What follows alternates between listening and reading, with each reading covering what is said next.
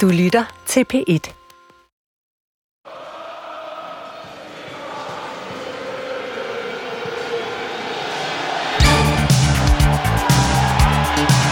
Han virker meget øh, sympatisk. Fantastisk landstræner. Motiverende. Verdens mest sympatiske person i øjeblikket. Han bruger sin evne til at skabe en fantastisk indflydelse på spillerne. Den måde, han løste det på, det var, det var, det var helt fantastisk. Den er hjemme. Vi skal ikke hjem. Julemand og drengene skal videre. Danmark skal videre. Den står på semifinale, og det gør den på Wembley. Danmarks EM-eventyr er slut til en æresport af vandstråler og jublende fans blev landsholdet her til eftermiddag modtaget i Københavns Lufthavn.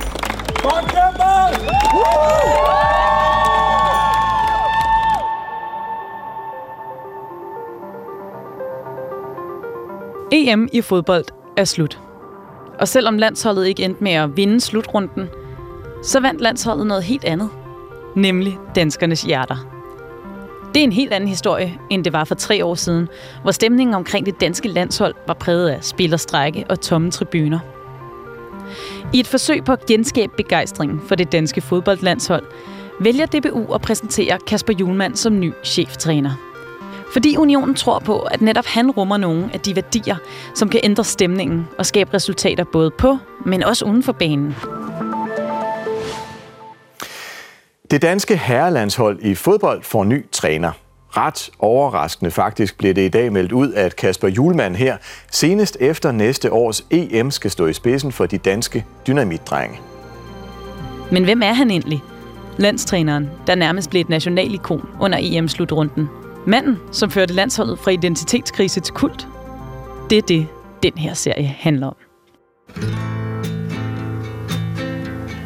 I det her afsnit ser vi nærmere på landstræneren Kasper Julemand. For hvordan gik det egentlig til, at træneren fra FC Nordsjælland endte som succeschefen Åke Harreides aftager? Hvad lå til grund for den beslutning, og hvilken betydning kom det til at have for det danske landshold? For at kunne besvare de spørgsmål, bliver vi nødt til at skrue tiden tilbage til 2019.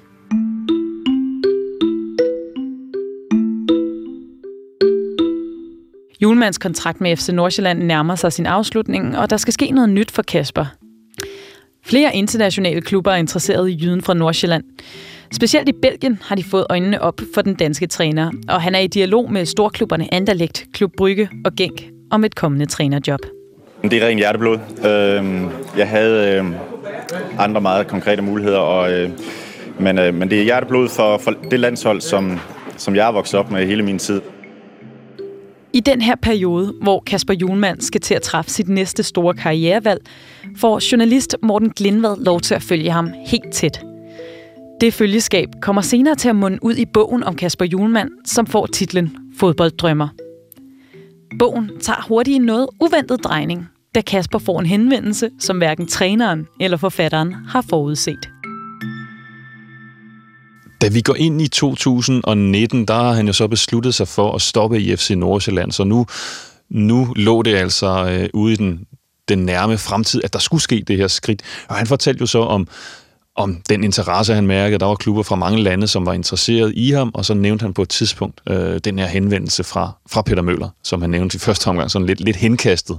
Øh, og da jeg hørte om den henvendelse første gang, jamen først kunne jeg slet ikke få det til at hænge sammen, for hvorfor skulle Peter Møller henvende sig til Kasper Julemand om et landstrænerjob på det her tidspunkt, altså i foråret 2019, der var mere end et år tilbage til udløbet af Åke Harreides kontrakt, og han tabte jo ikke nogen fodboldkampe, så hvorfor var det overhovedet på tale? Så min første reaktion var, at jeg blev, at jeg blev meget overrumplet, og det tror jeg egentlig også, Julemand selv blev. På det her tidspunkt står landsholdet i den nok største krise nogensinde. Året forinden har DBU og Spillerforeningen ligget i en økonomisk konflikt, der har ført til spillerstrække og faldende opbakning fra de danske roligans. Holdet har simpelthen brug for et ansigtsløft. Så i 2019 ansætter DBU den tidligere landsholdsspiller Peter Møller som fodbolddirektør. Han får til opgave at forsøge at genopbygge tilliden mellem DBU og spillerne, samt udvikle og optimere rammerne omkring landsholdet. Den ansættelse skal vise sig at få afgørende betydning for Kasper Julemand. Godt at se jer alle sammen, og lad os da bare præsentere dem. Vores øh, nye landstræner og assistenttræner for herrelandsholdet, Kasper Julemand og Morten Vihorst. Der er ingen tvivl om, at Peter Møller han har en nøglerolle i hele det her forløb. Hvis ikke Peter Møller han i efteråret 2018 var blevet fodbolddirektør i DBU, så havde Kasper Juhlmann ikke været landstræner i dag. Så enkelt kan man, kan man sige det.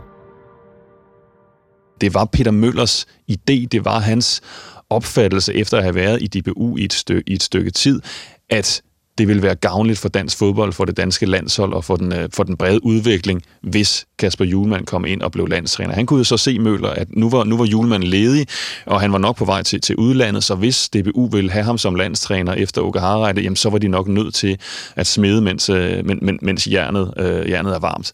Jeg tænkte, det var, en, øh, det var en stor beslutning af Peter Møller. Det var ikke nogen logisk beslutning. Jeg tænker også, det var en risikabel beslutning, som han givetvis vil blive, øh, blive, blive kritiseret for.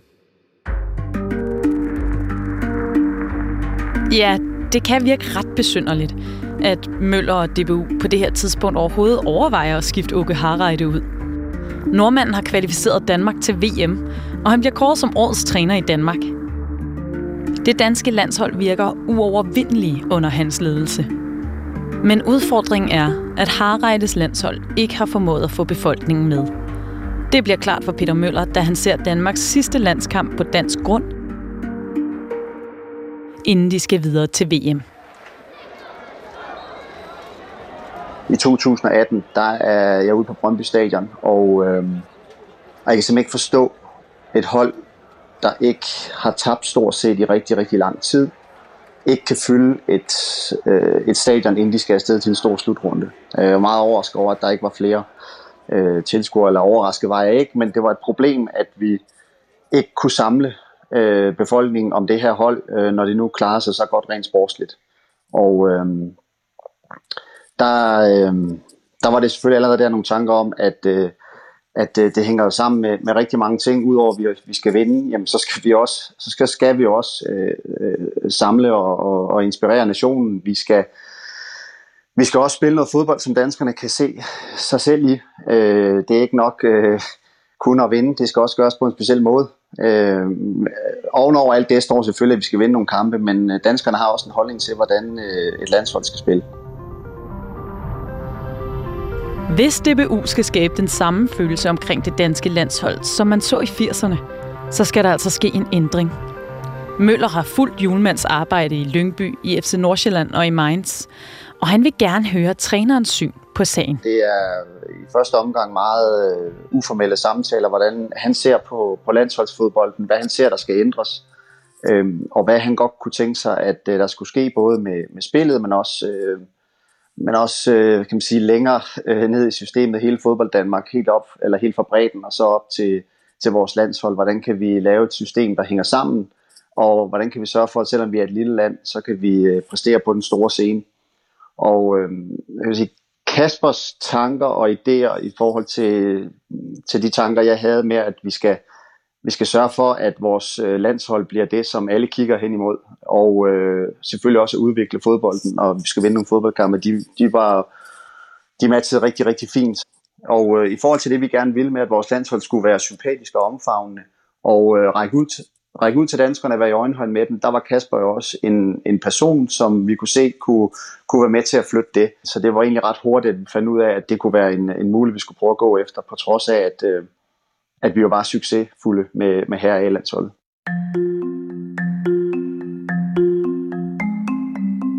Julemand står altså lige pludselig med et tilbud på hånden om at overtage pladsen som cheftræner for det danske landshold. Men er det egentlig det, han vil? Morten Glenvad oplever Julmans overvejelser sådan her. Den her henvendelse fra DBU kom jeg til at vende lidt op og ned på hans tanker, for på det tidspunkt, der var han allerede mentalt ved at forberede sig på at rejse til udlandet. Uh, han var begyndt at, at pakke flyttekasserne, som han, uh, som han har sagt det, og han rejste til Belgien og besøgte de her interesserede klubber. Så op i hans hoved, så var det det naturlige næste skridt. Det var det, han ønskede med sin karriere. Det var grund til, at han stoppede i FC Nordsjælland. Det var for at komme ud og prøve sig af på en, uh, på en, på en større scene at landstrænerjobbet så lige pludselig kom i spil, det sætter nogle andre tanker i gang. Og der rammer det ham måske mere i hjernen, så rammer det ham i hjertet. Han kom jo til at tænke på sin egen barndom på at være barn i 80'erne, da han så det danske landshold øh, kom langt ved EM i 1984. Og så er jeg Så skal den være der. Yep! Ja, men det er jo... Ja, det er næsten ikke til at tro på. 4-0 over Jugoslavien, så vi aldrig har slået. Og blive hele verdens dække i 1986.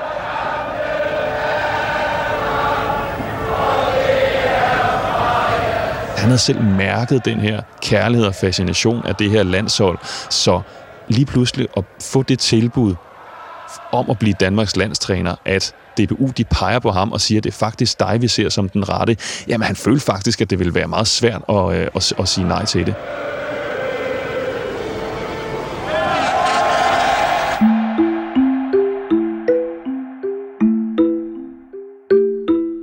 Peter Møller husker også de nostalgifyldte samtaler med Julemand om landsholdets fordoms storhed. Vi talte begge to om, at vi også havde sådan nogle nedfaldspunkter i vores liv. Han kunne huske øh, en kamp i, i 85 i parken mod Sovjetunionen, 4-2-kampen, som han ikke var inde at se, men han var over med, med skolen og gik ned gennem strøget øh, og var på vej til Bornholm, øh, og hvor han oplevede den her stemning. Øh, jeg kan huske den fra 84 også, hvor, hvor jeg selv sidder og, og følger landsholdet der. Øh, har været med i 98 selv som spiller og kunne mærke den begejstring og den øh, opbakning, man fik øh, ved at, at klare sig godt og, øh, og, og komme langt i nogle turneringer. Så, så, så vi har hver især sådan nogle nedslagspunkter i vores liv, hvor, hvor landsholdet har betydet noget. Øhm, øh, og det vil betyde noget for ham, øh, ikke kun at træne et hold, men være med til at påvirke fodbolden i Danmark, sådan at vi får flest muligt, der spiller fodbold, øh, samle nation, øh, begejstre en nation, give dem en masse oplevelser, som de husker resten af livet. Vi har jo en sætning, som vi ligesom har holdt os til hele tiden, som hedder, øh, med drømmen om at være en del af noget større, ønsker vi gennem fodbolden at samle og begejstre Danmark. Og det er ligesom den linje, som har stået over alt det arbejde siden, at Julemand han blev ansat. Altså landsholdsfodbold eksisterer kun for at skabe øh, fællesskaber, for at samle Danmark og, og inspirere Danmark. Og, og udover det, jamen, så er det også det her med, at når vi spiller vores landskampe, så betyder det rigtig meget for Kasper også, at både spillerne øh, og, og dem, der er omkring holdet, signalerer, at vi står altså på skuldrene af alle de frivillige og alle de små klubber, som har været med til at, at foster de her landsholdsspillere. Så når, så når landsholdet går ind, så er det landsholdet for alle. Kasper vælger at takke ja til tilbuddet. Men det er ifølge Morten Glindvad ikke uden en vis nervøsitet. For er det overhovedet muligt at implementere den spillestil, som Julemand har udviklet i Lyngby, FC Nordsjælland og Mainz på et landshold, hvor man kun har spillerne til rådighed få dage op til hver enkelt landskamp? Jeg kan huske, at jeg besøgte Kasper Julemand øh, nogle få dage før han blev præsenteret som landstræner, hvor det, øh, hvor det stadigvæk var en hemmelighed i, øh, i nationen, at, at det ville komme til at ske. Og noget af det, vi talte om, det var, hvordan ville det så være for ham at blive landstræner? For et er, at han ønskede det med sit hjerte, altså at, at det ligesom var, var noget, han ikke kunne sige nej til. Men den måde at arbejde på, hvis man gik mere, mere ned i indholdet af, af jobbet, så var der selvfølgelig nogle, nogle, nogle store spørgsmål, øh, spørgsmål ved det. Han havde mange idéer til, hvordan man kunne være landstræner, hvordan man kunne prøve at få det bedst muligt ud af de her meget begrænsede rammer, som han i virkeligheden ikke brød sig så meget om. Øh, men han havde også sin tvivl, fordi han vidste ikke. Han havde ikke prøvet det før. Han vidste ikke, hvor meget kan man få præget et hold, når man får spillerne ind om mandagen, og så skal de faktisk præstere om, om torsdagen eller om fredagen i en normal, øh, en normal landsholdssamling. Han håbede på, og han troede på, at de her danske landsholdsspillere, de er på så højt et niveau. Det er nationens bedste spillere. Så de ting, han som klubtræner i FC Nordsjælland for eksempel, måske skulle bruge en uge på at få lagret i et hold, jamen det kunne han måske klare med et enkelt træningspas med de her landsholdsspillere. Men han vidste ikke, før han gik i gang med det, og det er noget af det, som, som var hans måske største spørgsmål, inden han øh, rent faktisk tog hul på jobbet. Udover Kaspers egen tvivl, så møder han også en fortsat skepsis fra den danske presse og de danske roligans. Øh, de sidste års tid har vi jo haft øh, 5-6 millioner biologer i Danmark. Øh, vi har altid haft 5-6 millioner landstræner, som, som har en holdning til, hvordan det her job skal udføres, hvordan holdet skal spilles, hvem der skal udtages osv. Når jeg tænker tilbage nu, så øh, øh, var der egentlig ikke ret mange journalister, der sagde tillykke til Kasper. Øh, det handlede jo mere om, øh, om, om det var en kontroversiel beslutning, og hvorfor skifte en landstræner ud, som, som stort set ikke har tabt en fodboldkamp. Øh, så det, det var jo det var jo øh, i pressens øjne øh, kontroversielt, i og med at øh, Luka Harreide var, var succesfuld og havde gjort, det, havde gjort det godt med holdet. De fleste forbund og klubber, de agerer jo på baggrund af fiaskoer. Øh, missede slutrunder, eller tabte mesterskaber, eller nedrykninger. Og, øh, og der valgte vi en anden tilgang at sige, at vi, vi tror så meget på, på de spillere, der er. Øh, vi tror faktisk, der er mere i det her hold. Vi tror, de kan gøre mere. Og, øh, og som sagt, så så vi Kasper som, som mand, der kunne gøre det, og det var der, det var der rigtig mange, der, der dengang for to år siden havde, havde meget svært ved at forstå. Der er især et kritikpunkt, der dukker op igen og igen i pressen. Et, der har forfulgt ham gennem store dele af hans karriere. Nemlig, at Kaspers spillestil er alt for naiv og romantisk. Det der med, at, at Kaspers stil bare skulle være øh, underholdende, og så lige meget med resultatet, det var jo ligesom også noget, der blev trukket frem øh, for journalisterne. Nu havde man Åke Harreide på den ene side, der bare ville vinde for enhver pris, og så havde man Kasper Julemand, som mente faktisk, at det betød også noget måde, man spillede på. Jeg kendte ikke personligt Kasper Julemand inden, men jeg har jo været i fodboldmiljøet også, og, og ved, hvor, hvor stærk øh, en karakter han er, hvor, hvor, hvor stor en leder han er, og ikke mindst, øh, hvor, hvor meget han brænder for at vinde. Altså ovenover alt, der er jo ikke nogen fodboldtræner, der ikke vil vinde. Kasper havde bare en anden tilgang til det, end, end nogle af de andre trænere, så derfor tror jeg, at den der problematik er blevet trukket sådan meget ud om, at, at det jo resultatet er lige meget for Kasper, men, men det er det jo ikke. Han er jo en, en kæmpe vinder.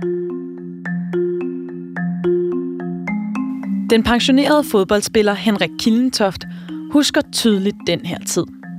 Han startede sin seniorkarriere med at træne under Harreides ledelse i Brøndby, inden han senere kom til FC Nordsjælland, hvor han stiftede bekendtskab med Julemand. Af den grund er der rigtig mange på det her tidspunkt, der er meget interesseret i at få ham til at sammenligne de to trænere og høre, hvordan han ser på det her kontroversielle trænerskifte. Da han bliver øh, landstræner, så ringer jo rigtig mange til mig og siger, hvad fanden er det, der foregår? Vi har en landstræner, som, har, øh, som ikke har tabt, øh, som har kvalificeret Danmark til EM. Og jeg trænede faktisk under Åke, som helt ung. Øhm, og han er med en god træner, du. Er du tosset, mand?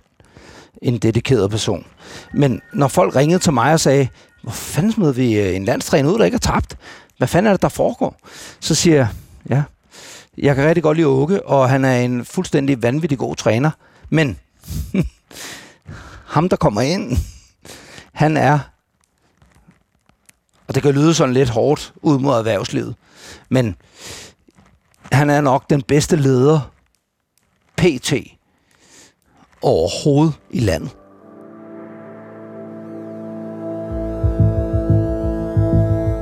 Inden julemanden når at se sig om, så er tiden kommet til, at han skal vise sit værd.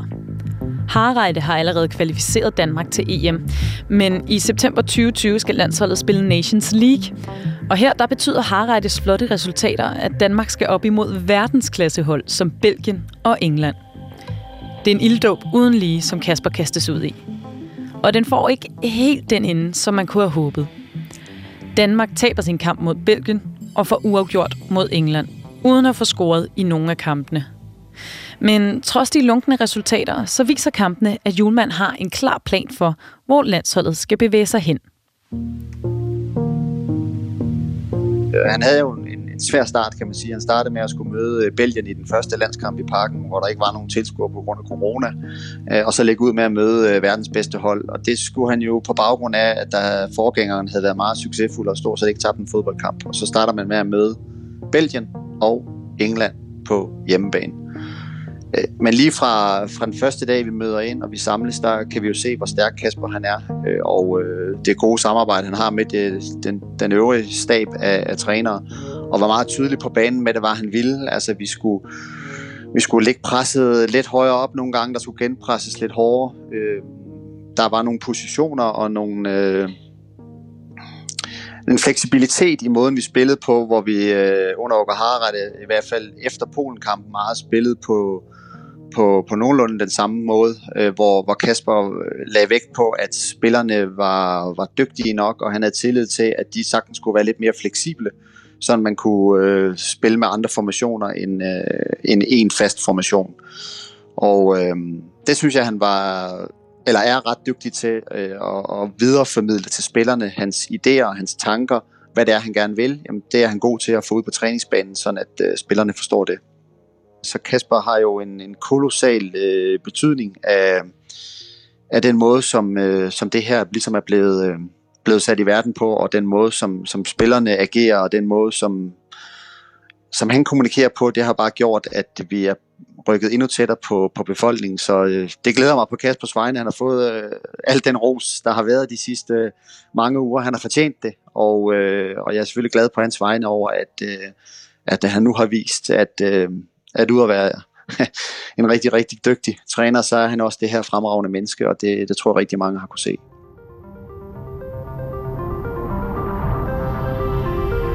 Ja, for selvom Danmark ikke tog guldet ved EM, så glæder de fleste sig over det resultat, som Julemand og truppen fik i land ved den her slutrunde. Både på banen og udenfor. Roligans og rødhvide flag er vendt tilbage til tribunerne.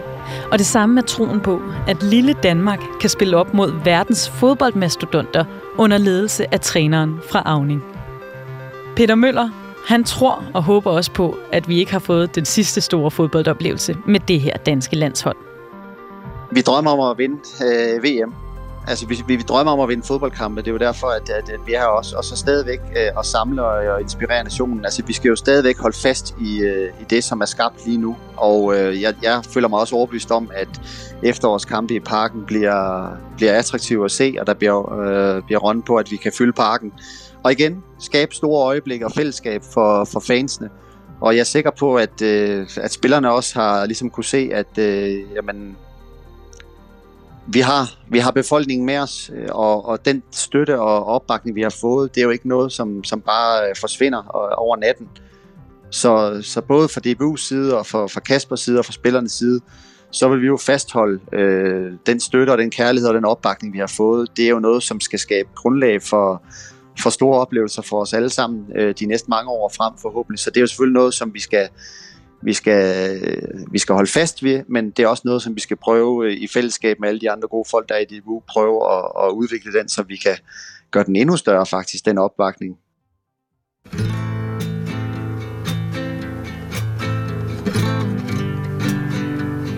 Du har lyttet til tredje og sidste afsnit af portrættet Julemand, Mennesket, Lederen, Landstræneren. Serien er produceret til DR af Beam Audio Agency – Tilrettelæggelse af Emil Riscaldini, Asser Vitrup Nielsen og Tobias Bold Bensen. Lyddesign af Tejs Vesterlykke og Frederik Ludvigs.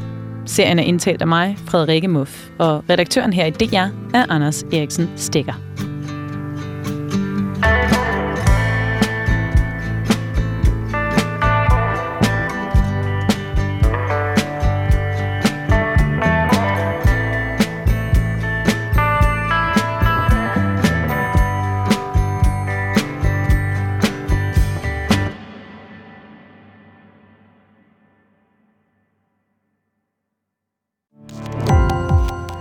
Gå på opdagelse i alle DR's podcast og radioprogrammer. I appen DR Lyd.